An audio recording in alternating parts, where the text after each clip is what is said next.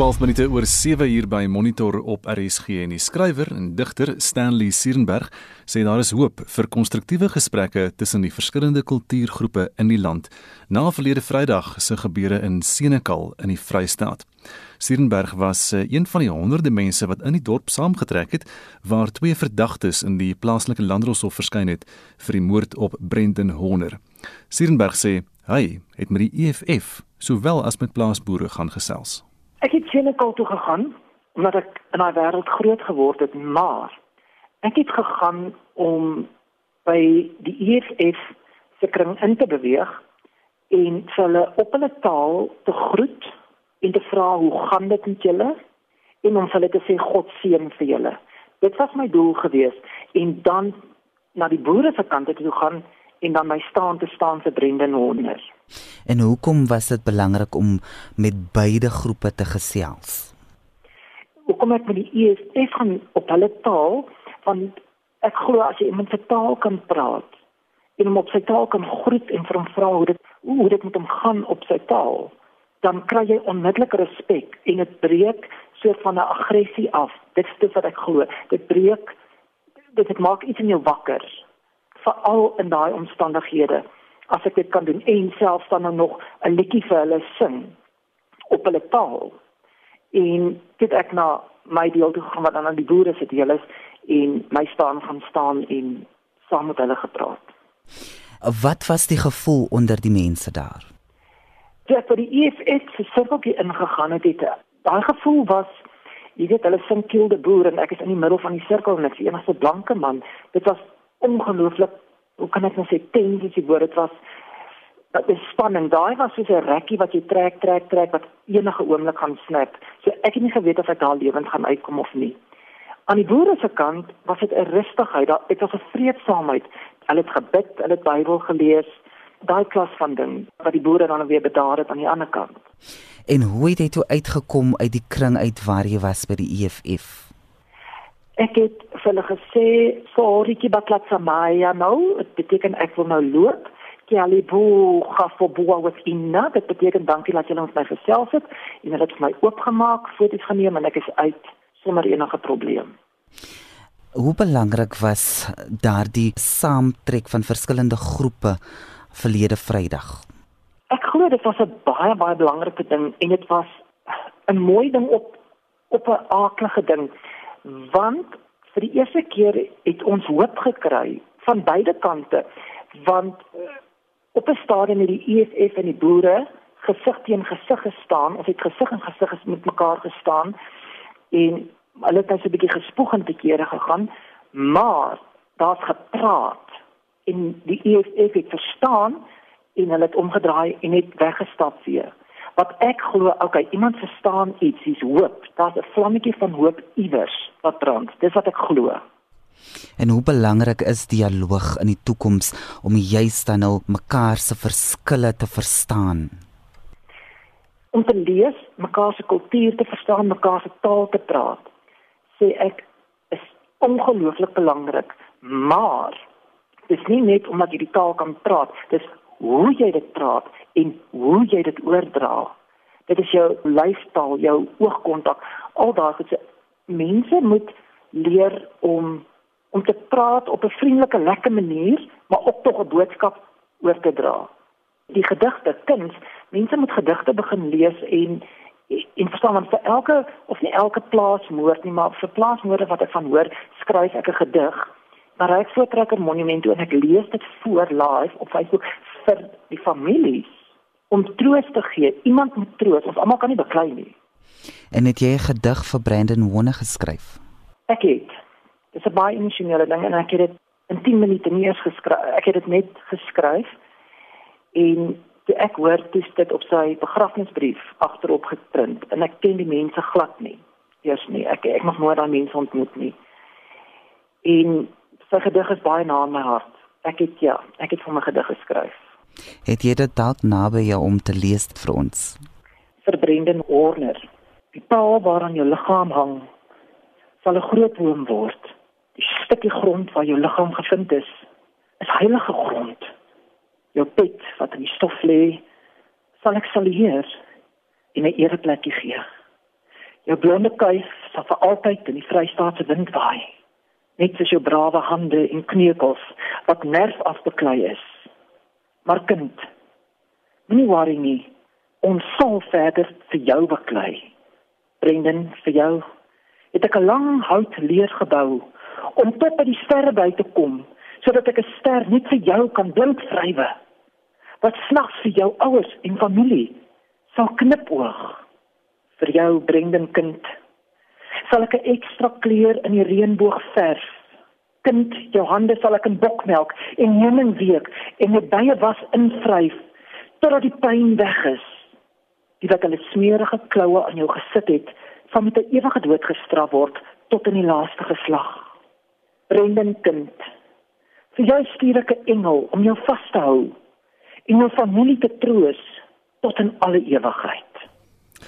En dit was die skrywer en digter Stanley Sierenberg wat met Jean Esterhuizen gepraat het. Nou intussen is borgtog van R15000 aan 'n sakeman, Steven Fourie gister in die Senekaalse Landroshof toegestaan en dit hou verband met onluste 2 weke gelede waar tydens 'n polisievoertuig aan die brand gesteek is. Fourie is die tweede verdagte wat op 'n aanklag van openbare geweld in die hof verskyn het. Die borgtog aansoek van Sekola Matlaletsa en Sekweche Mahlamba sal na verwagting vandag in die Senekaalse Landroshof hervat word. Vletjieblassers word deur sommige mense beskou as opstokers en moeilikheidmakers. Maar in Suid-Afrika waar korrupsie endemies is, behoort hulle beter beskerming te kry. So argumenteer vletjieblassers in die ondersoekende joernalis Mandy Weiner se jongste boek The Whistleblowers. Weiner verduidelik out with one whistleblower who wanted to do a book, and that actually didn't materialize. And I thought, well, let me have a look at various whistleblowers.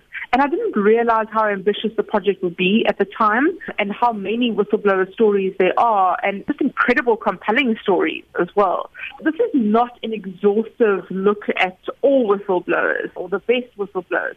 It's entirely subjective. I just chose stories that I thought were interesting and that were a good cross section of different experiences. It was just a heavy burden in the sense that I didn't want people who were potential whistleblowers to read the book and be dissuaded. I didn't want it to be completely negative. So I do try and find the positives in the story and also make suggestions Die vletjieblassers kom van die privaat sektor, regering en burgerlike samelewing. I really want to shine a spotlight on what people go through. We know the story of state capture and the army deal and e-tolls and whatever it may be, but we don't know the backstory about the humans and the cost to them for speaking up. Daar is sowat 3 jarelange lede van die ANC wat doodgemaak is omdat hulle met hulle kollegas verskil het waaroor Wiener skryf. Who are feeding at the trough of corruption and lining their own pockets. If you look at somebody like Moss Parkway in Rustenburg, who was a councillor who spoke out about his colleagues who were involved in corruption, he was murdered. If you look at somebody like Jimmy Mokhlala in Mbombela, who was the speaker of the municipality there, who also exposed corruption, he was gunned down. And in both of these cases, there's been no justice. And I think that those are the really concerning cases where people have been killed for being whistleblowers. Volgens die vletjieblassers in Wiener se boek moet daar 'n kultuur geskep word waarin korrupte mense aangemeld kan word sonder vrees, maar wetgewing wat voorsiening maak vir beskerming is gebrekkig. We've got the Protected Disclosures Act, the primary piece of legislation in the country that protects whistleblowers. It doesn't really protect people beyond an employment relationship. So it doesn't work practically. And many of the whistleblowers are so suited that it's not worth the paper it's even written on. And I do suggest various options of how we could change that. And also, obviously, the security risk is a big concern. People don't want to go into witness protection because it means giving up their lives and having to adopt a new identity and move to another town. And it just doesn't work practically. Kan die onskynlike toename in vervolging van mense wat van korrupsie aangekla word, lei tot meer sluipmoorde in Suid-Afrika? 'n Onafhanklike ondersoeker wat spesialiseer in die soort misdaad, Chad Thomas van ERS Forensic, het onlangs in die media gesê dat dit moontlik is. And we've seen that now with Colonel Charles Kinnear in the Western Cape. Being gunned down. We saw one of the top hawks investigators in Mpumalanga being killed as he closed in on a runner poaching network. What we also have been seeing is, for example, in Alberton last week as well, we saw somebody being shot who was involved in the council there and had been arrested for corruption. So my concern is that we are going to see more people being taken out because they could potentially be witnesses against others. They could be spilling the beans and they can't allow that to happen because they've been untouchable for so long. Wiener gee toe dat wetstoepassers in Suid-Afrika ook vermoor word. Similarly, we've now seen lawyers, police officers being targeted. Tawfiq Mahalik in Cape Town being killed. And that is really worrying that if the police don't get a handle on this with good intelligence and making sure that those gunmen responsible and the people who order the hits go to jail, then this will keep happening. I don't know if we'll reach the point, as Chad Thomas warned in that interview, that we could become like Medellin, that it will get quite that bad, but already it's bad. Mandy Wiener, skrywer van die boek The Whistleblowers wat onlangs gepubliseer is. Mitsi van der Merwe, SAK nuus. So 23 minute oor 7 en plastiekherwinning het oor die afgelope dekade met 56% in Suid-Afrika toegeneem. Dis maar een van die talle syfers wat pas deur Plastics SA vrygestel is. Anita het Annelie Pretorius se polymeerwetenskaplike met 30 jaar se ervaring gevra presies hoeveel plastiek haar landgenote daagliks herwin. As ons kyk na die syfer wat oor die jaar is en ons kom terug na 'n daaglikse syfer toe, dan sit so die ekwivalent van so 24 miljoen melkbottels wat ons elke dag in Suid-Afrika herwin.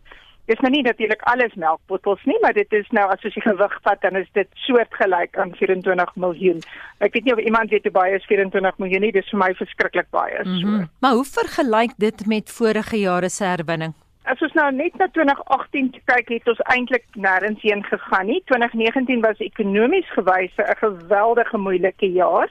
En toe kom 2020 en nou is dit nog moeiliker, maar ons het nog nie syfers vir 2020 nie. Maar ekonomie gewys was dit 'n swak jaar, so die herwinning het genadiglik op dieselfde vlak gebly. Ons het klein klein klein, dis nie eers ehm, 'n um, persentasiepunt gegroei nie, maar as dit vergelyk met ons totale plastiekvervaardiging Suid-Afrika het afgekom. So dit het gehelp dat ons herwinningssyfer min of meer dieselfde gebly. Dit maak net moeilik sin, maar dit sê net ons is nie agteruit nie. En hoeveel plastiek word in Suid-Afrika vervaardig? Ja, ons het um, in 2019 het ons so 1.8 miljoen plaaslik vervaardig. Dit sluit al die materiaal in wat nie materiaal is wat vir die eerste keer vervaardig word, maar dit sluit ook in die herwinde materiaal, daai 24 miljoen melkbottels wat weer teruggegaan het en nuwe produkte gemaak het. So daai 1,8 miljoen is al die uh, produkte wat in Suid-Afrika gemaak is in 2019 en dit is 'n bietjie minder, dis amper 2% minder as wat ons in 2018 vervaardig het. Jy praat nou van nuwe produkte wat gemaak word. Wat word van hierdie plastiek wat herwin word? Die herwinde gaan terug na produkte toe. Van daai klomp uh, wat ons herwin het, gaan omtrent 40% daarvan gaan terug na verpakking toe. Jou inkopiesakkie en jou swart sak en jou sakkie wat jy kry as jy lekker gebraai het oor die naweek wat jou hout inkom. Hy's nie heeltemal deurskynend nie, hy's so geelerig. Mm. Dit word alles van herwinde materiaal gemaak. En dan uh, maak ons ook geweldig baie pyp vir die landboubedryf en vir daai swart pyp wat jy koop vir jou tuin. Dit word gemaak van herwinde materiaal. Dan het ons goed so skoensole. As jy skoene koop wat in Suid-Afrika vervaardig is, is die kans dat die skoensole van herwinde materiaal gemaak word baie baie goed. Dan het ons hierdie tuinbanke en tuinmeubels wat mense ook van weet die grootste gros gaan terug na verpakking toe as ons na enkele bedryf kyk. Dis jou swart sakkies, jou inkopiesakkies, jou houtsakke. Selfs as jy meubels koop, jy staar dan kom dit in 'n herwinde plastiek sak wat buite om is. En ons het ook nou al ons eerste pad van plastiek. Ons het nou al so 'n bietjie pad eksperimente ook met plastiek in. Dit heeltemal korrek, ja. En dan in in Wes-London is 'n maatskappy wat oplosmiddels maak van herwinde plastiek en hulle is besig om hulle fabriek om te skep dat hulle kan vloerpolituur maak hmm. van vloerpolituur en skoenpolituur van plastiek. Sou dit 'n wêreldeerste wees Annabie? Nee, dit is nie. Ehm um, dit is gebaseer op 'n op 'n Poolse fabriek. So dis Poolse tegnologie wat hulle in Suid-Afrika kon opstel het, maar dit is definitief 'n eerste vir Afrika. Hoeveel verskillende soorte plastiek is daar? O, gats nogals baie. Ehm um, ek dink ek het onlangs gekyk dis omtrent 40 verskillende plastieke. Nou meeste mense ken die 1 2 3 4 5 6 wat onderop ons verpakkingsmateriaal is en dit is maar net die hoofplastieke wat in verpakking gebruik word. Ja, as ons nou so vinnig kyk wat word herwin van daardie materiale, dan kyk ons en dis mens nou nie logiese volgorde werk. Die nommer 1 is jou koeldrankbottels en jou waterbottels, saai helder deurskynende plastiek wat baie gewild is vir herwinning. Maar dis nie ons grootste materiaal nie. Ons materiaal wat die meeste van herwin word is nommer 4. Dit maak ons baie uniek in Suid-Afrika. Europa herwin nie eintlik nommer 4 plastiek nie. En in Suid-Afrika, dis nou goed soos jou broodsakkie. Dis die gevriesde groente sakkies, dis die sakkie wat rondom jou toiletpapier kom, daai groot sak wat jy stukkend skeer as jy jou toiletpapier uithaal. Rys as jy 6 blikkies gekoop het wat so saam verbind is. So dit is plastiek nommer 4 of laagdigheid polietyleen. Ons herwin geweldig baie van dit in Suid-Afrika. Dit is ons mees herwinbare materiaal. Dan is ons koeldrinkbottels is nommer 2 en dan nommer uh plastiek nommer wat die die syfertjie onder op die bottel se bo met nommer 2. Dis ons melkbottels, ons vrugtesapbottels, ons inkopiesakke.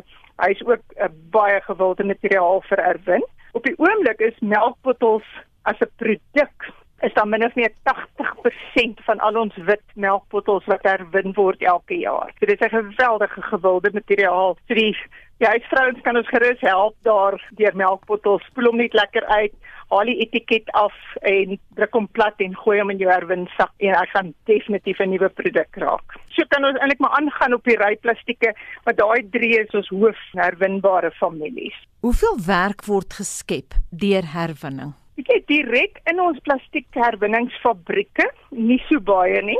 Daar praat ons van so min of meer 7000 mense, maar die verskaffingsketting is waar die meeste werksgeleenthede geskep word. As ons gaan kyk na die ouens en baie van ons is bekend met die ouens wat vroegoggend as dit nog donker is met die trollies omkom wat ons plastiek kom haal en dan op ons ashope werk net so geweldig baie ouens wat dit optel en ons praat so van 58000 enkelinge wat vir ons help om hierdie plastiek in te samel en te verskaf. Hulle vat dit na die kollekteerders toe en die kollekteerders baal dit vir ons en sorteer dit in die verskillende soorte en vat dit na die herwinningsfabrieke toe. En daai 58 miljoen 58 miljoen ek wens 58000 is eintlik die groot hoeveelheid werkskepingsgeleenthede wat daar is in die plastiekbedryf. Hoe vergelyk Suid-Afrika se plastiekherwinning met byvoorbeeld Europa? Interessant en, en mense glo my gewoonlik nie as ek dit vir hulle sê nie, is ons doen eintlik aansienlik beter as Europa. Europa het 'n geweldige sigbare kolleksiesisteem.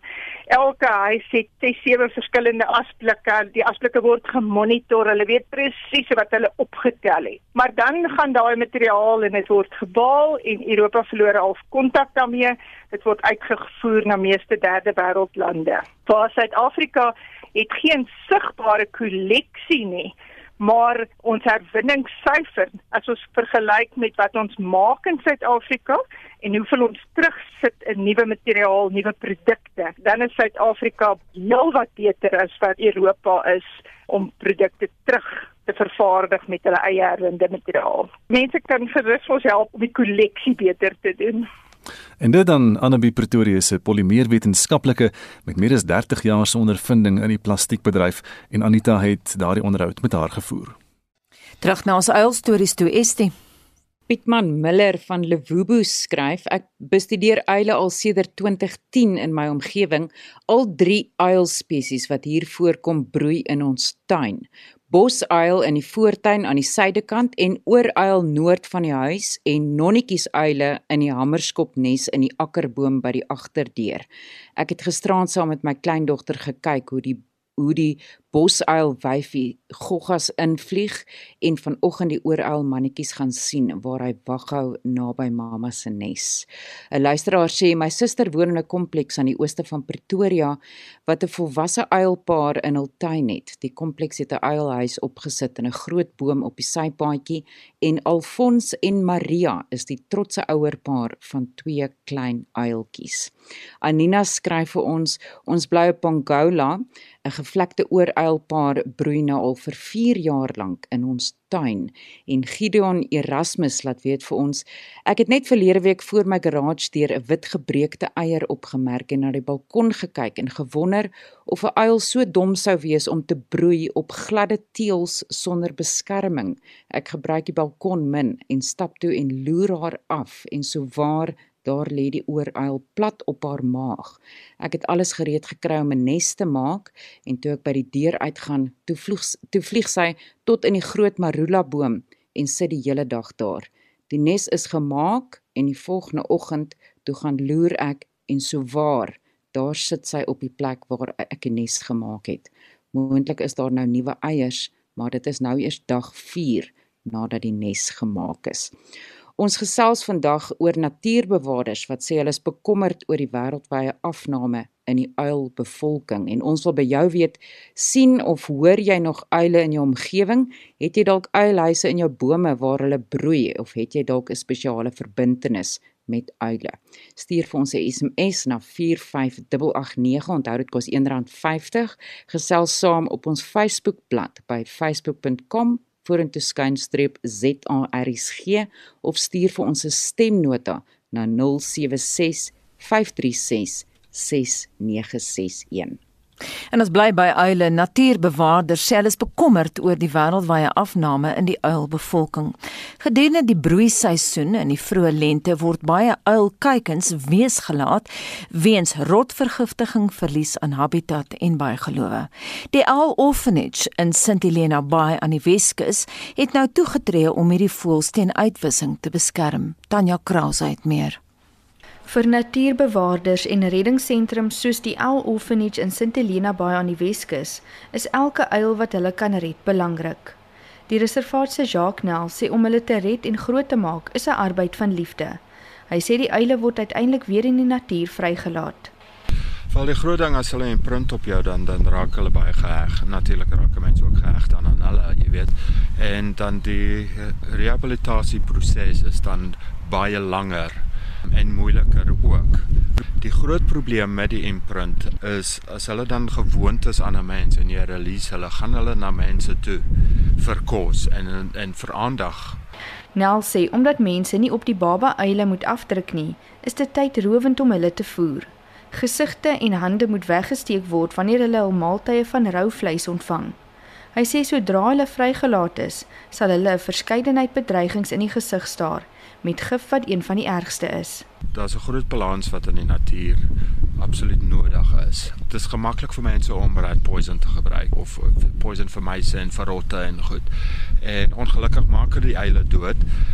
Maar die probleem is is dat dat ons rooi die ehm um, roofvoëls uit wat natuurlik die mice en en die rotte vir ons uitrooi.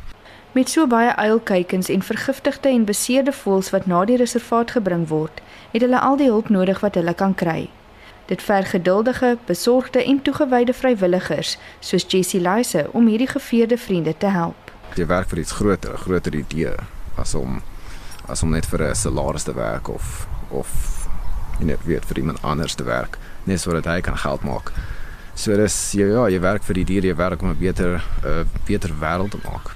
Nog 'n bedreiging vir hierdie voëls is bygelowe. Volgens die reservaat word eile soms sonder rede wreed doodgemaak. Natuurbewaarders sê hierdie voëls speel 'n belangrike rol in 'n kwesbare ekosisteem en dat hulle beskerm moet word.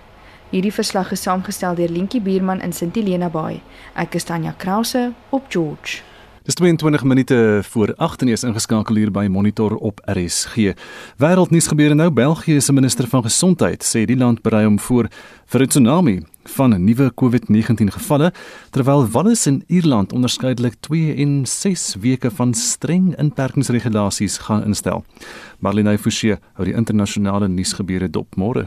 Môre Gustav, ons begin in België waar kroë en restaurante oor die volgende 4 weke gesluit moet bly. Alkohol mag slegs verkoop word tot 8:00 die aand en inwoners word aangemoedig om van die huis af te werk. Gevalle in die land het die afgelope week met 80% toegeneem. In Ierland gaan streng inperkingsmaatreëls die volgende 6 weke van krag wees. Slegs kernondernemings mag oop bly, kroë en restaurante mag slegs wegneem etes bedien en niemand mag verder as 5 km van hulle wonings af beweeg nie en in Wallis mag slegs werkers by kernondernemings hul wonings van Vrydag af verlaat. En te midde van die chaos het die Wêreldgesondheidsorganisasie besluit om 'n video op te neem van Sister Sledge se liedjie We Are Family en dit as boodskap van bemoediging te deel op sosiale media. Die groep Sekim Sledge family is the affection and the care and the love and the desire to protect those around you. And with this pandemic, it, it to me, it's brought the whole world together as a family. It really has. En dit was Kim Sledge van die musiekgroep Sister Sledge. Wat die hantering van COVID-19 in Amerika betref, het Donald Trump die volgende gesê oor sy opinie van die COVID-19 taakspan se hoof, Dr. Anthony Fauci.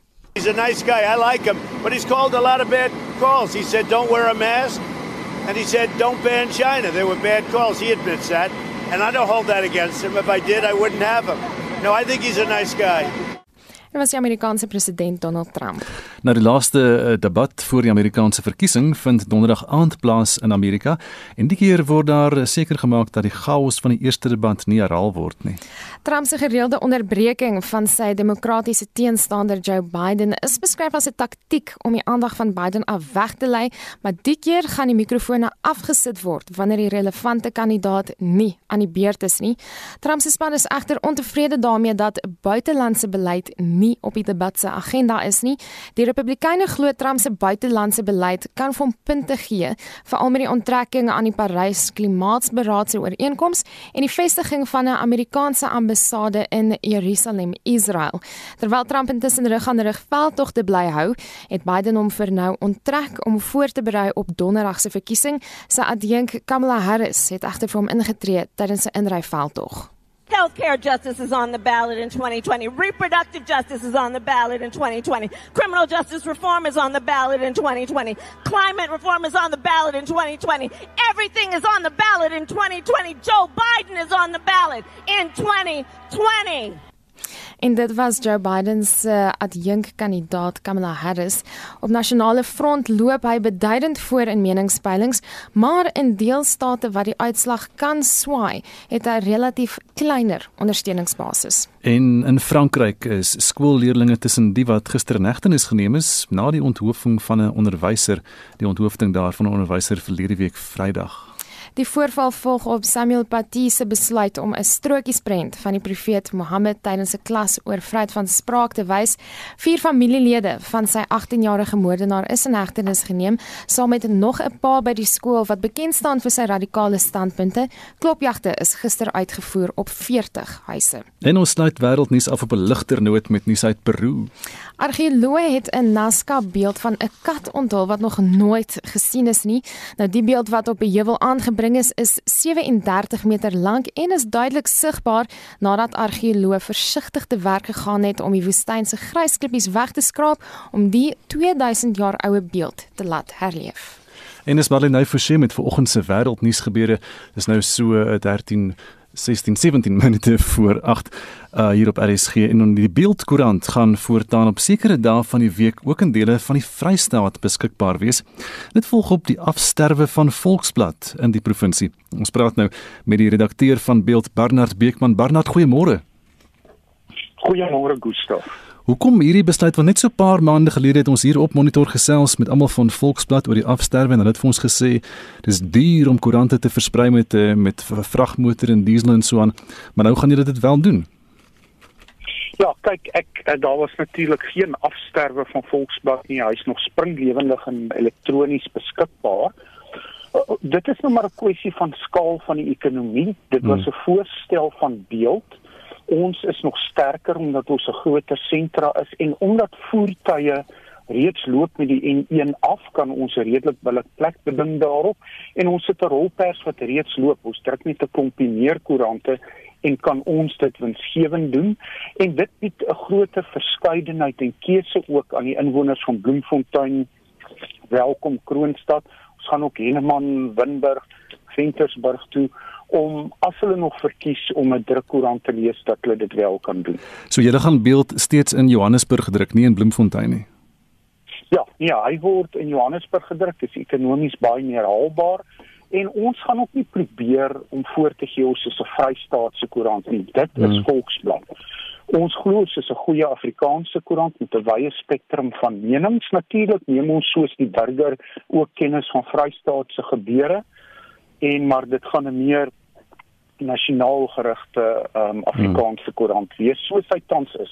Dis volbloed beeld wat daar beskikbaar gaan wees. So Bernard, waar en op watter dae gaan gaan die Vrystaat 'n papierbeeld dan kan lees? Dit gaan Woensdae, Donderdae en Vrydae wees. Dis die beste um volhoubare model wat ons kon vestig. Ons begin môreoggend natuurlik en dit is Bloemfontein, Kroonstad en Welkom die groot sentra op die N1 af en dan die drie dorpe wat ook naby die N1 lê, Winburg, Ventersburg en Henneman. Ongelukkig kon ons dit nie in die stadium weier doen nie. Maar hmm. ons is baie opgewonde en en my e-pos uh sal vol van die vrystaaters wat allerhande vra het. Ons gaan nie by die huise kan aflewer of straatverkoop hê nie maar dit gaan in al die gewone winkels beskikbaar wees. En dis 'n vinnig verwys na die inhoud. Tot hoe mate gaan die inhoud vrystaat georiënteerd kan wees? Nie tot in op gemeenskapsvlak nie, soos hmm. ek sê, dit is steeds Volksblad se rol ons gaan uh, natuurlik gebeure so Senekal en so voort sal ja. sal weer speel in beeld soos nou en soms wat ons in elk geval doen is daar baie interessante storie uit die Vrystaat sal ons dit ook probeer dra maar onthou die ruimte word gedeel met die inwoners van Limpopo, Noordwes, hmm. Mpumalanga en Gauteng. En julle gaan nie 'n spesiale aparte uitgawe vir die Vrystaat maak nie. Nee, ehm um, dit sal wel soms moontlik wees om so 'n bietjie in daardie rigting te leen. Hmm. Ons gaan môre landwyd die L in die beeld Masoof Oranje maak om dit te vier en so vir die eerste 2 weke sal hy in die Vrystaat ook in Oranje wees. Barnard verduidelik gou die wisselwerking tussen Beeld die Burger en Volksblad en Netwerk 24. Daar's reeds groot samewerking daar, né? Nee? Ja, jy kan vir alle praktiese doeleindes sê ons is een ekosisteem. Die dagblad redakteurs um wat nuusaspekte betref rapporteer aan die hoofredakteur van Netwerk 24 ons beplan baie saam. Ons het toegang tot mekaar se kopie en inhoud en kan dit ingevolge ons samewerkingsooreenkomste gebruik. So um uh, dit is dit is reeds 'n uh, organisme wat saam vorentoe beweeg en groei. Ek kyk Gustaf, die beweeg na aanlyn media hmm. is is onomkeerbaar. Maar waar ons nog by tye winsgewend kan druk media doen, gaan ons dit doen. Ons het gesien Daily Maverick het dit nou ook gedoen. Ja, het jy 'n probleem daarmee dat as die mense reeds die berig aanlyn kan lees op Netwerk 24, hulle nie meer nodig het om beeld te koop nie?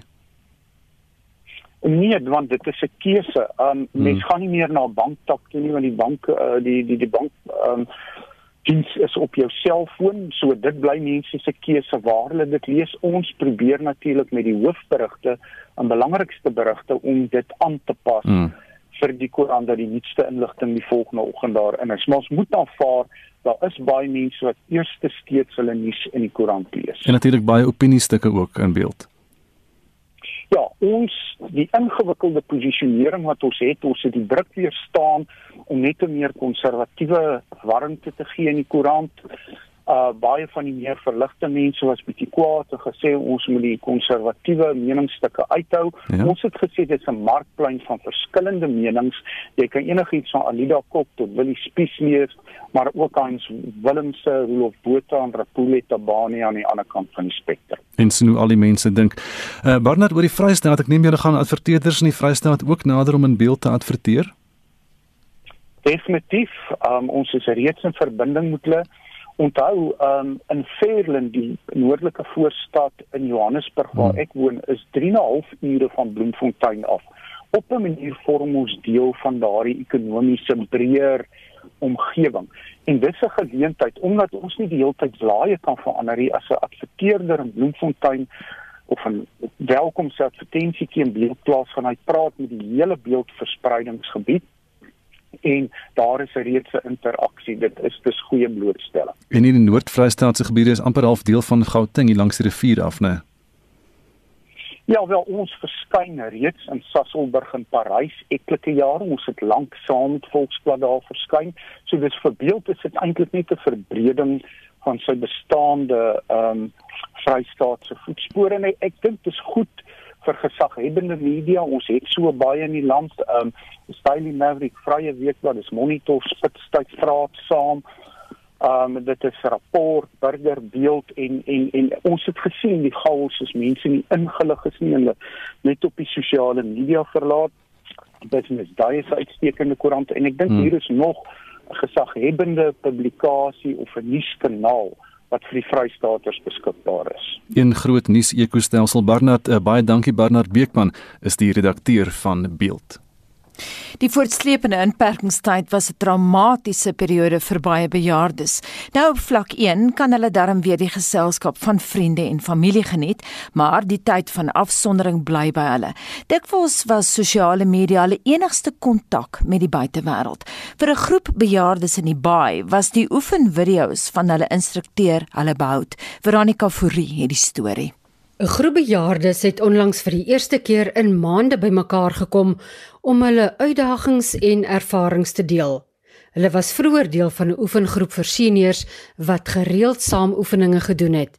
Karel Houman het vertel hoe hulle veel langer in 'n klein huurhuis moes bly terwyl hulle nuwe huis gebou word. Toe het my jongste seun sy in werk verloor as gevolg van die COVID omdat hy 'n restaurantbestuurder is.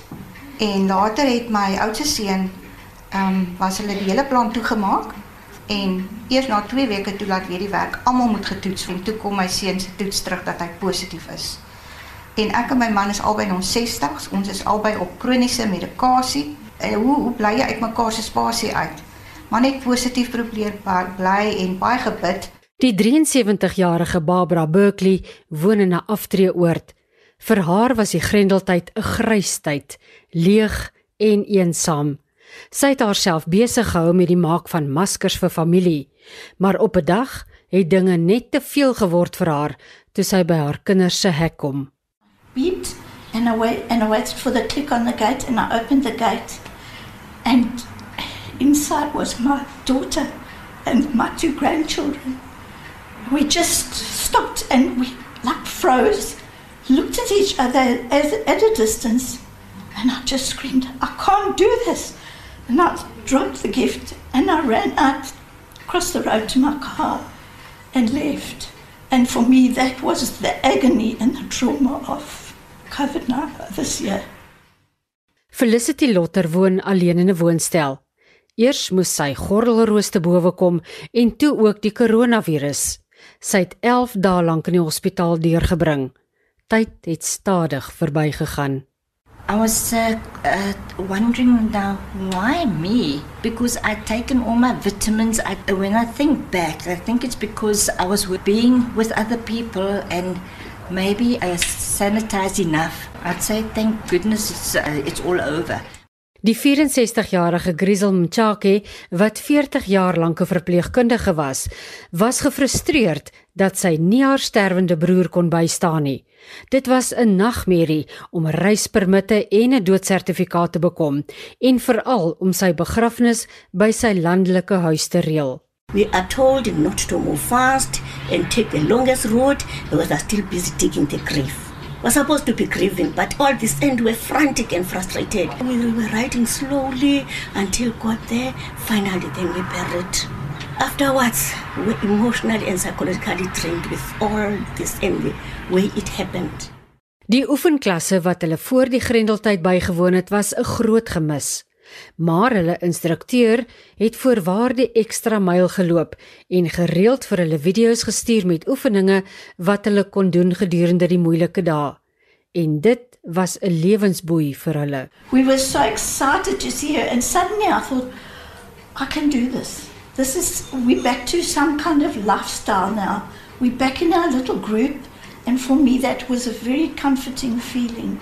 But when we got the freedom to go and shop, I went to the shops and I found that I was like getting like a panic attack. I needed to go home to my safe place. The Zoom classes actually kept me going as well because uh, um, I kept exercising and I walked a lot. Uh, I was doing the park run every Saturday morning, and I think that's what helped as well. It refreshes you and it takes your mind away from what bothers you. And the fact that you are busy exercising, you are breathing, your breathing is improved, which is very essential, particularly for COVID and uh, for lung expansion. Hulle energieke instrukteur Elmarie Nel was besorg oor hulle welstand, veral dat baie van hulle geïsoleerd was. Sy weet dat beweging die beste medisyne is vir emosionele welstand en om die immuunstelsel 'n hupstoot te gee. Ons het gesorg dat hulle elke dag gemotiveerd bly, want dis die belangrike deel dat hulle weet dis oukei okay, en hulle moet elke dag elke dag net vat soos dit is. So ons het vir hulle video's gestuur deur YouTube. Dit was eintlik baie snaaks sodra ek dit opgelaai het, dan het dit al klaar 20 of 30 likes, dan weet ek hulle sit heeldag daar en wag vir daai video om te kom en hulle het die oefeninge so gedoen en so het hulle hulle self positief gebou en aan die gang gebly. Na die samesyn kon die vroue nie wag om hulle passies te oefen en sommer hoog te skop nie. Veronica Fourie in Port Elizabeth. Ons kyk vir oulaas na die weer groot dele van Suid-Afrika is in die greep van 'n hittegolf en ons praat met 'n senior weervoorspeller by die weerdiens in Bloemfontein, Tony Resou. Goeiemôre. Anita, goeiemôre. Watter temperature is reeds aangeteken? Temperature so 37, 38, 41. Uh dit het ons aangeteken by Kimberley byvoorbeeld maar uh, hulle het al reeds koeler lug daar in beweeg so hulle temperatuur vandag is uh, so 36 so 6 grade warm uh, koeler as gister en uh, so die suid sentrale binneland se suidelike dele het wel al af, afkoeling gekry vandag en ons verwag nog die hittegolf uh, wat gaan nou voorkom vandag oor Gauteng die Mpumalanga Hoëveld en dan ook Limpopo in die Noordwes. Die gaan nog 'n paar rekords oplewer vandag, maar dit koel af môre. So dit is hele laaste dag vir vir uh die hoë temperature wat verwag word in die hittegolf oor die noordelike dele van die land. Hoe definieer jy 'n hittegolf? as jou maksimum temperatuur 5 grade hoër is as jou warmste gemiddeld van die warmste maand. Kom ons vat Johannesburg as 'n voorbeeld. Hulle gemiddelde temperatuur van hulle warmste maand in Johannesburg is so 26 grade. So 31 is die is die kriteria en uh, dan enige hulle voorspel ons het die afgelope 3 dae was hulle temperatuur 32, 33 en gister nog 34. Vandag voorspel ons ook 34. Baie dankie Sametaaltroep dit Antonie Rousseau, 'n senior weervoorspeller by die Suid-Afrikaanse Weerdiens in Bloemfontein. Maar nou lekker dagboek vir Spectrum later vanmiddag. Die SAK verskyn vandag in die parlement saam met verskeie ander rolspelers in die bedryf vir die uitsaaiers se bedrywighede. Die verdagtes in die moord op die Vrystaatse boer Brendan Honor doen vandag in die Senekal Landdroshof aansoek om om borgtog vry te laat gelaat word. En dis dag 11 van die Nigeriese pastoor Timothy Omotoso se borgtog aansoek. Vir hoe lank gaan dit nog hou? Skakel in op RSG tussen 1 en 2 vanmiddag. Ons groet namens ons waarnemende uitvoerende regisseur Hendrik Martin, die man in die warm stoel vanoggend Wesop Pretorius, ons produksieregisseur Daitron Godfrey. My naam is Anita Visser. Bly geskakel by RSG praat saam volgende met Lenet Fransis Puren. Ek is Gustaf Vreiling en mooi bly tot môreoggend om 6.